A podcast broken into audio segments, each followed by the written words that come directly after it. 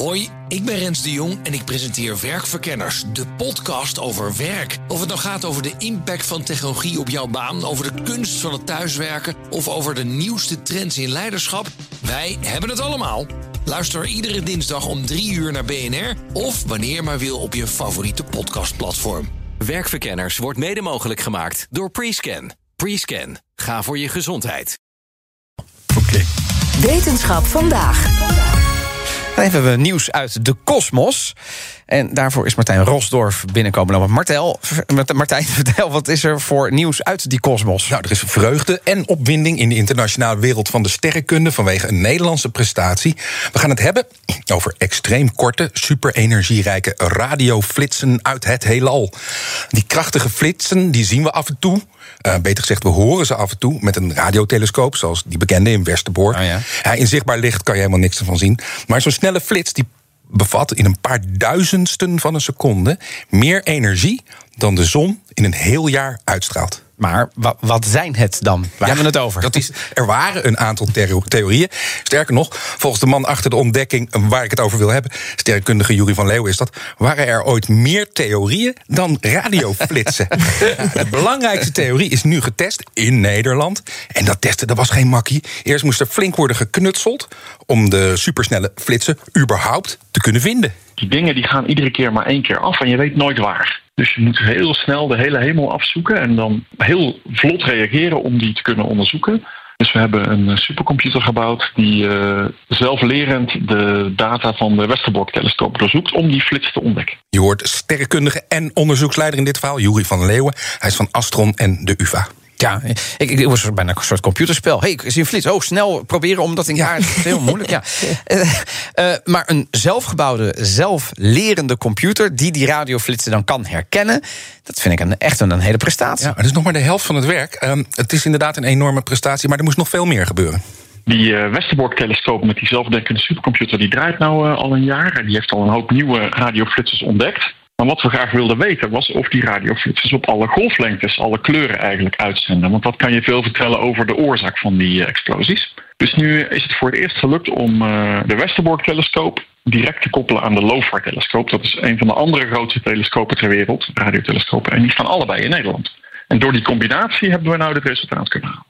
En de theorie die getest moest worden, dat is de theorie van de afblokkende dubbelster. De verklaring voor die flits zou namelijk kunnen zijn, Roos Abelman, dat één object straling uitzendt, een ster of een zwart gat, en dat die straling ritmisch wordt afgedekt door de gassen en materie rondom een ander object, ook een ster of een zwart gat, wat daar weer omheen draait. Vanuit ons perspectief op aarde zou je dan flitsen waarnemen. Ik vind het jammer dat er mensen zijn die niet via de webcam kijken vandaag. Want jij legt dat met jouw hele lichaam hoofd, heel ja. mooi Met- uit. Wat mijn er allemaal gebeurt. gat. Ja.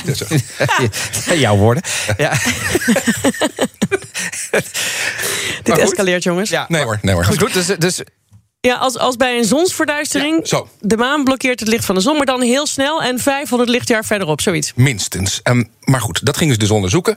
Eh, en zo vaak als in de wetenschap, het experiment kan beginnen, alle spullen doen het.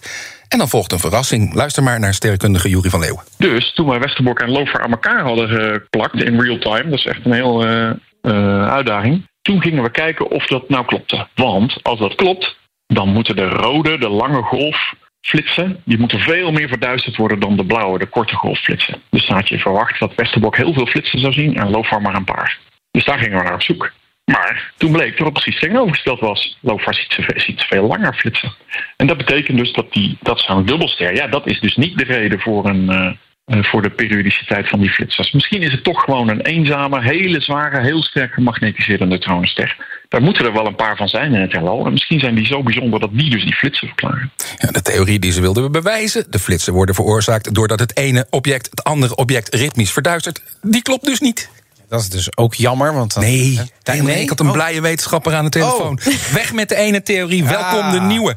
De theorie van de superzware, supercompacte, eenzame, flitsende magneetbalster. Je moet er maar opkomen, hè? Klein, met een dichtheid groter dan lood, maar uiterst krachtig en energie.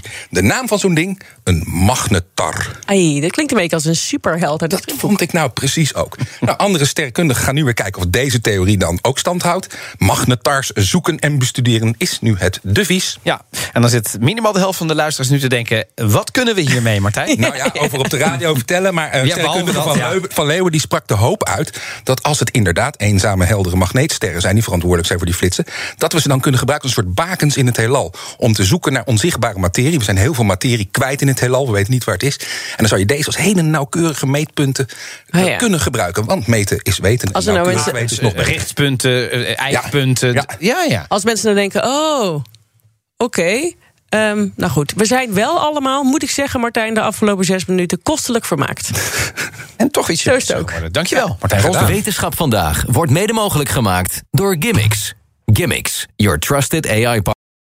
Hoi, ik ben Rens de Jong en ik presenteer Werkverkenners, de podcast over werk. Of het nou gaat over de impact van technologie op jouw baan, over de kunst van het thuiswerken of over de nieuwste trends in leiderschap, wij hebben het allemaal. Luister iedere dinsdag om drie uur naar BNR of wanneer maar wil op je favoriete podcastplatform. Werkverkenners wordt mede mogelijk gemaakt door Prescan. Prescan, ga voor je gezondheid.